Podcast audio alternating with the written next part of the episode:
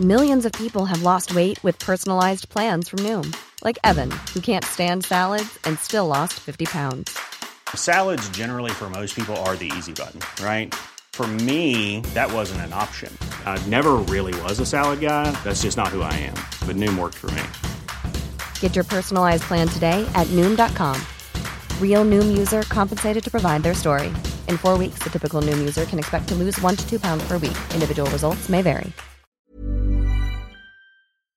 I forbindelse med frigjøringa av Kirkenes så sender vi nå i reprise et innslag fra 2018, og det er Jon Henrik Mjenna som er programleder. Evelyn Olsen Lie fra Jakobsnes utenfor Kirkenes opplevde som tiåring krigen på nært hold. Masse sterke inntrykker sitter som klistra i minnet på den engasjerte dama. Her forteller hun om noe av det hun opplevde i oktoberdagene i 1944, da frigjøringen av Sør-Varanger var et faktum. Evelyn Olsen Lid. Nå er det 74 år siden frigjøring av Finnmark og Kirkenes og Sør-Varanger. Hvor gammel var du i de dagene? Jeg var ti år. Fylt ti år om høsten. Du har sikkert masse minner, men er det noe spesielt som har satt seg fast? Jeg tenker på spesielt de dagene i oktober 44. Ja, jeg husker jo spesielt at det var nokså hektisk helt på slutt. For uh, tante mi hun hadde nettopp fått ei lita pia, og vi uh, var nå blitt med ned til Bjørnevatn. For hun ville ha mamma, som nå var eldstesøstera, i nærheten uh, da. Både under fødselen og like etter at hun hadde fått en jenta. Og jenta hun er født den 7. oktober. Så holdt vi nå ut nede i huset hos dem i det lengste før vi til slutt måtte rømme opp til eh, tunnelen. Og da var den jenta hun var vel kanskje ti eh, dager. Så vi, eh, vi, fikk jo ikke, vi var jo ikke mange dagene der oppe i tunnelen. For med det samme russene kom, så gikk vi ut derifra igjen. Og, og e, egne hjemmene var jo ikke blitt brent. Altså da, da, hadde tyskerne blitt fri for både parafin og bensin, og de gikk jo og dønka husene med det her og, og, satte fyr. Så da begynte de å gå inn i husene og satte fyr på saker og ting for at de skulle få husene til å brenne.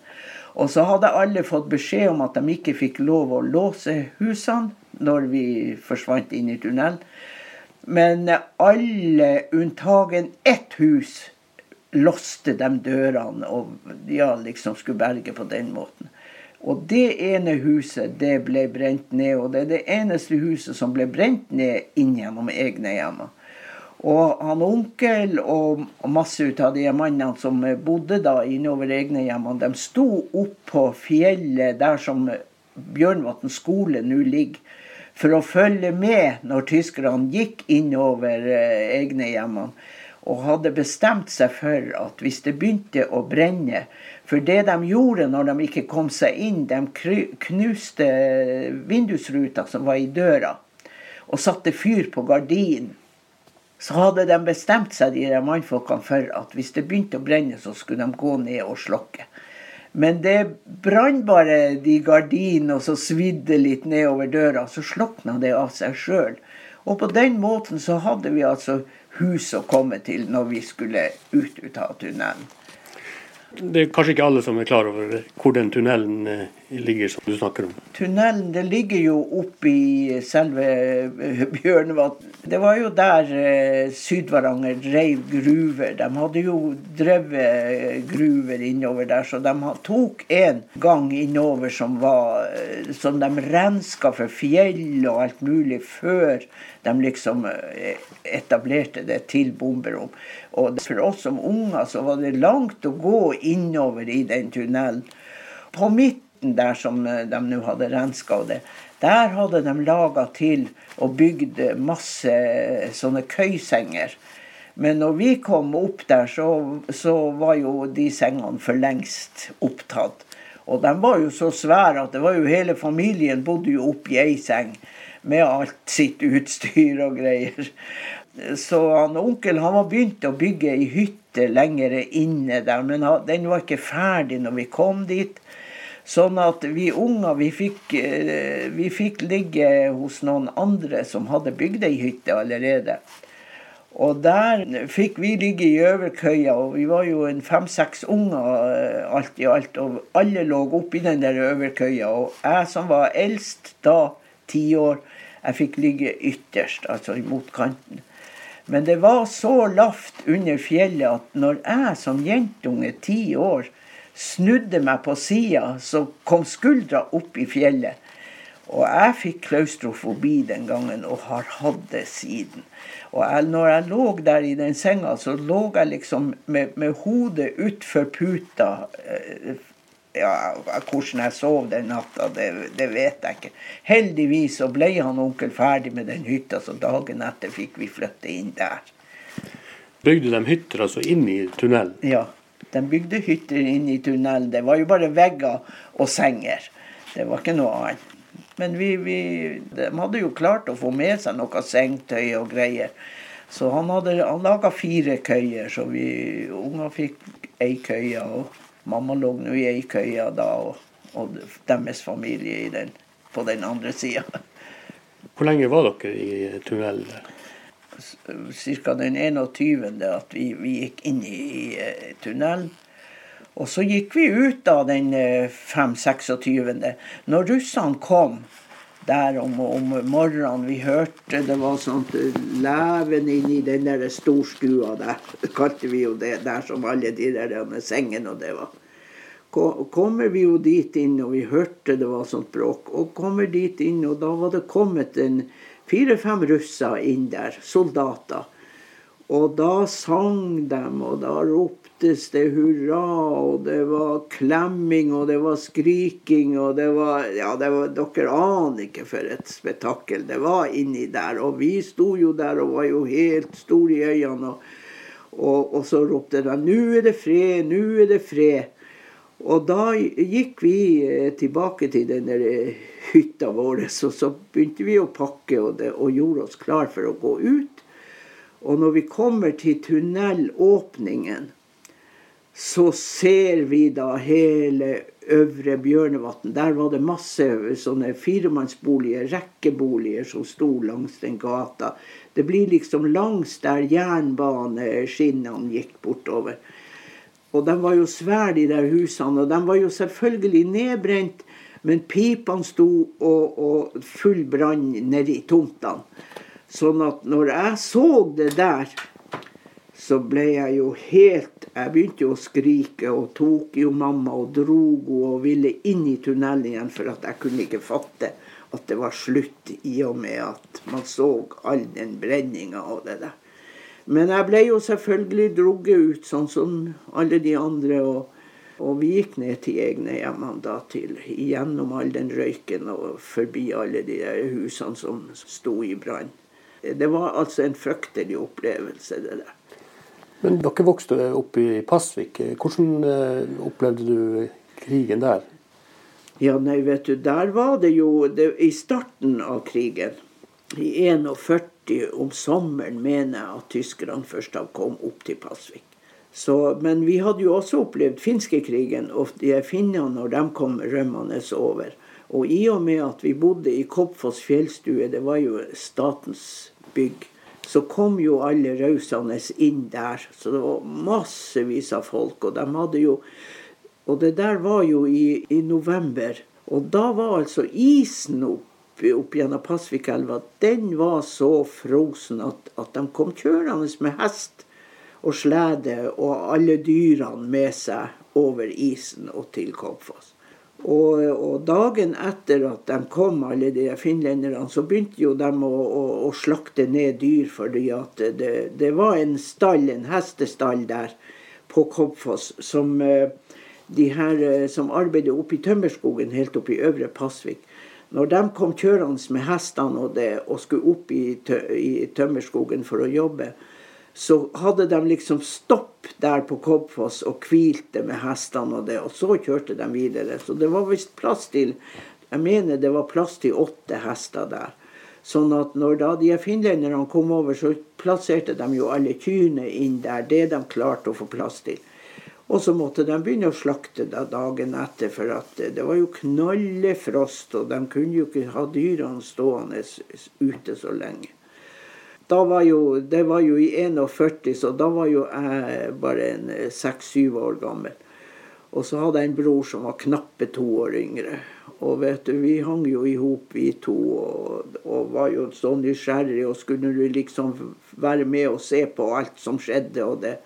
Og en på visa ble jo at vi dagen etter så ble vi nå pakka ned i en eh, slede med så ei sånn sluffa, og pappa kjørte oss og kjørte oss ned til han bestefar og dem i Skrukkebukt. Så vi skulle være der. Og vi skjønte at vi holdt på å bli lurt, vet du. Og vi og vi masa Nei, sier han pappa, vi skal på besøk. De voksne de var fæle og lyge til ungene altså, for å lure oss. Nei da, vi skulle bare dit på besøk. Ja, om vi fikk vært med tilbake. Ja da, vi skulle få Men du skjønner, jo mer kveen kom, jo trøttere ble jo vi. Og til slutt så sovna jo jeg og Norvald av. Om morgenen når vi våkna, så var han pappa borte med hesten og hele greia. Og hvor vi skreik. Og vi var så fortvilt for vi hadde jo da ei mindre søster, hun var jo bare et par-tre år. Og hun, eh, og hun, fikk jo være hjemme, for hun var jo så lita, vet du. Så det var jo bare jeg og Norvald.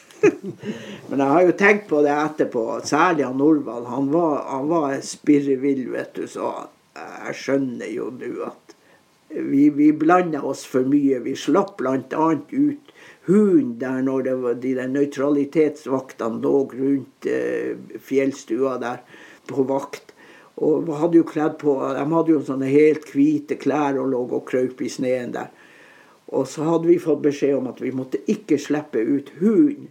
Men du skjønner, så stilte jo hunden seg på døra der og masa og ville ut. Og så vi lukka jo opp døra. Skjønt, vi skjønte jo ikke alvoret, altså rett og slett. Det må man jo bare si. Men herregud, vi var jo bare seks-syv år gamle, så det er klart at vi fatta jo ikke hva, hva det var som skjedde.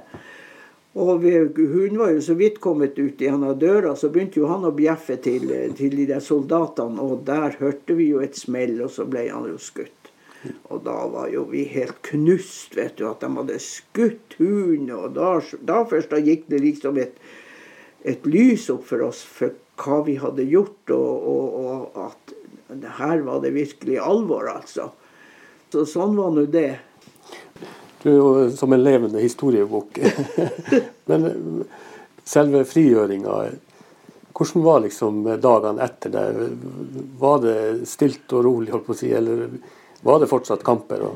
Nei, kampene det var det jo slutt med. Tyskerne var jo jaga sin vei. Men det kom jo mer og mer russere, så de slo jo opp leir. Særlig ned på myra der nedfor egne hjems. Boligene sto jo innover. så hadde de slått opp en svær leir der i. Og, men vi var jo litt redde de russene også, for de så jo litt sånn skumle ut. De var jo ikke noe så stram i uniformen. Altså, de så, så, jo mer ut som noen slusker. og så hadde de jo de her, de her katankene, hva det var vi nå kalte de der skoene for. Og så vi, vi unger, vi, vi, var ikke høye i hatten altså sånn der overfor de russene. Og så på baksida, eller på bortesida av veien som gikk ned til Bjørnevatn, der hadde tyskerne en svær koldunge. Og i den koldungen der hadde de altså hevet en masse ammunisjon. Og, det, og så satte de jo fyr selvfølgelig på den, og den brann. Og den brann, og den brann. Og vi unger før var det sånn. Vi måtte ut og leke. Gå ut og leke. Hele dagen måtte vi. Vi var bare inne til måltidene, og så var det, og så var det ut og leke. Og det er klart at når man tenker på det nå Det var sikkert pga. trangboddhet. De voksne måtte ha litt pusterom. Så derfor ble vi sendt ut.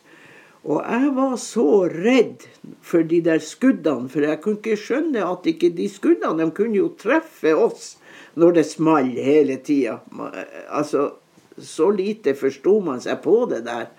Men det var helt nifst, altså. Det var i natt og i dag, det var i ukevis at den kolbdungen brant, og de skuddene, de small. Nå skal det markeres frigjøringa her. og Du har også vært nettopp i Russland, i Nikel. og ja vært med på markeringa der? Jeg fikk være med, med fra Pensjonistforeninga til Nikkel, i lag med ordføreren og så en, en pensjonist til, han Jostein Eliassen. Og det merkelige er jo det at både jeg og han Jostein vi har opplevd mye av det samme. Han var, også, han var jo bjørnvannsgutt. Han var jo òg i tunnelen samtidig som jeg var der. Og når vi ble sendt til Sverige i 45 om høsten og ble svenskunger, da var det også meg og han Jostein vi var på den samme båten som gikk eh, til Narvik. I bunn og grunn så hadde vi liksom den samme bakgrunnen for å fortelle hva som hadde skjedd og ikke skjedd.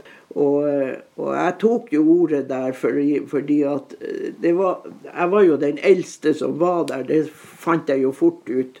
Og de fleste de var, de var født etter krigen, så de, de hadde jo ikke opplevd konkret noen ting. Og han derre russen som nå liksom holdt talen ifra, ifra Nikkel, da, han eh, prata jo om bestefaren sin, og, og, til dels var jo faren da en liten gutt. Så tenkte jeg nei, bevare meg vel, jeg må nå fortelle noe om hva vi har opplevd som har vært med på det her. Og du hører det at jeg fikk jo en kjemperespons fra de russene. De var jo helt store i øynene. og til og med så var det nå en russ som kom og ga meg en klem og kyss på kinnet. Og, så jeg vokste jo noen meter når de da begynte å, å skryte av at Nei, du kan ikke være så gammel, men du må jo være over 80 når du har opplevd alt det der. så sånn var nå den opplevelsen. Når jeg tenker på eh, markering av, av frigjøringa og eh, Syns du det blir gjort nok? og er, Kjenner folk, eh, unge folk historien nok? Nei, jeg syns det er, er, dårlig. Og jeg mener at sånn som den markeringa Skolene burde ha fått fri og stilt opp ved det russemonumentet når det blir markering der. For det, det er nå Vi er ikke mange som, som, er såpass oppi årene at vi er født eh, før krigen og har fått å huske og, har, og hva vi har opplevd.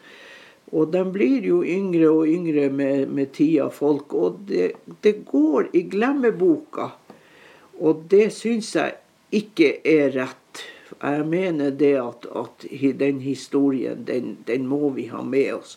Og den må vi eh, fortelle videre at folk vet og, og, særlig unger og ungdom, hva vi virkelig har vært igjennom, og hva vi overlevde, og hva vi klarte. Det er jo helt utrolig, for at man ble jo dømt etter krigen for at man var tyskvennlig. Men eh, det som var, skjedde, det var jo bare rett og slett at man var bare nødt til å, å, å jobbe for å overleve. For at det var jo ja, det var lite mat, og det var slett ikke klær og sånt. Det var omsying av gamle klær og sånt til ungene, i alle fall. Og, og, jeg husker vi gikk med de der laddene, som vi nå kaller det for. Og dem, eh, han onkel han sydde omtrent og reparerte omtrent hver kveld på de der, og sydde lag på lag på lag for at de skulle holde. Og det var jo fast i en strømpe. Og så var det liksom en ja, hva jeg skal kalle det for, ladd eller Og det, alle ungene gikk med sånt. Nå skal det jo være en markering i morgen her, og eh, hva, hva er det som skjer da? Ja, nei, Vi vet jo at det kommer over uh, russer. Både fra uh, det mer offisielle, og også uh, Grensekommissariatet kommer jo. og og så det, skal det komme noen ifra den der veteranklubben i, i Nikkel. Og det er jo den vi har liksom vennskap med Pensjonistforeninga. Sånn at uh, vi hadde nå med oss uh, noe kaffe som vi overleverte nå når vi da var der borte i Nikkel. Og, og de er så veldig med det der med gaver og det, så uh, det syns jeg også er en tradisjon som vi må fortsette med når vi er ferdig bort på besøk, ha noen ting med oss for å, å gi den pensjonistforeninga. Og jeg vet jo når er, russene er her og handler, så er det jo spesielt kaffe de er ute etter å kjøpe. Så det syns jeg det er, det, det er matnyttig. Så. Ja, vi kunne jo sittet i timevis og prata om det her, og du har sikkert masse du kunne ha fortalt. Men Men eh, du skal ha takk for at du stilte opp, og det kan jo hende at vi tar kontakt igjen seinere. Ja da, det var, det var helt i orden. Og det var Jon Henrik Mienna som var reporter der.